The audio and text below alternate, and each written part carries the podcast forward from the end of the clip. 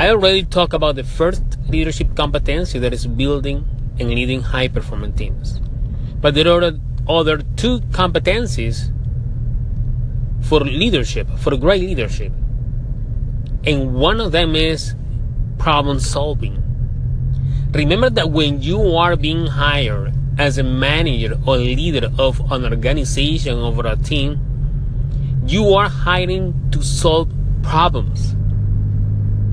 Yeah, that's right. The, the organization, the board, pays you to solve problems. And sometimes at operational level, you are a firefighter. That's the mindset you have to have. It's not because of the glamour of being a manager or the power of being a leader of a great organization or the 114 company. The problem is that are, you are being paid to resolve problems. And the greater your title or your position, the greater the problems that you have to solve. That's the mindset.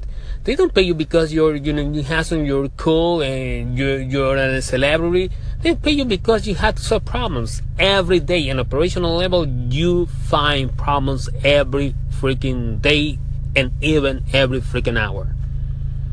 So you have to have that got that feeling of solving problems. You have to develop the skill you need to solve problems.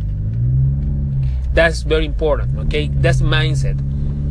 If you are going to become the top manager of your organization, be aware that you will face a great amount of problems you will have to solve for your organization, for your team. And this goes with another competency, very important competency, that is the decision making.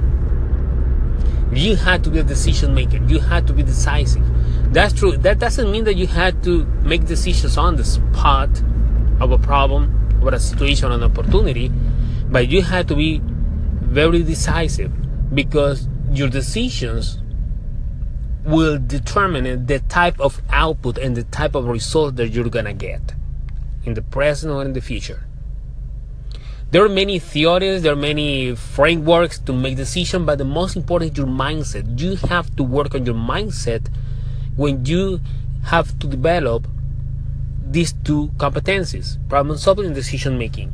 You have to know about your context better than anybody you have to be knowledgeable about what's going on in your organization at different levels and what's happening in the world, in your industry. But in the world, what's happening in the world? What can impact you? What decisions out of your context can impact your own context, your own organization? So when you make decisions, you have to be aware that those decisions are going to impact not only your process, your system, but your people. So you have to count on your people when you're making decision. The tough decision, you have to be tougher. In the same way that you have to learn that you are being paid to problem solving, you have to be tough when you make decisions because the decisions that you're gonna make are gonna be unpopular and you don't have the skin to support or to fight or to battle against all the critiques, all the unsupport, and you are not willing to be left by people that don't support you you're in the wrong position. You are in the wrong path to your career. Because if you want to be a great manager and leader, you have to be clever, you have to be tougher, because people will leave you when you make tough decisions. And you have to have the skin and the guts and the heart and the mindset to be aware of that and be successful. Remember, it's not about only about your success it's also about the success of a team and the success of a lot of people, the success of an organization. So remember, those are the three main competencies that every great manager and every leader has to develop. Building and leading high performance teams, the mindset for problem solving and the mindset for decision making. What do you think? Let me know how you develop those main competencies in your daily life build, and battle. Until the next time.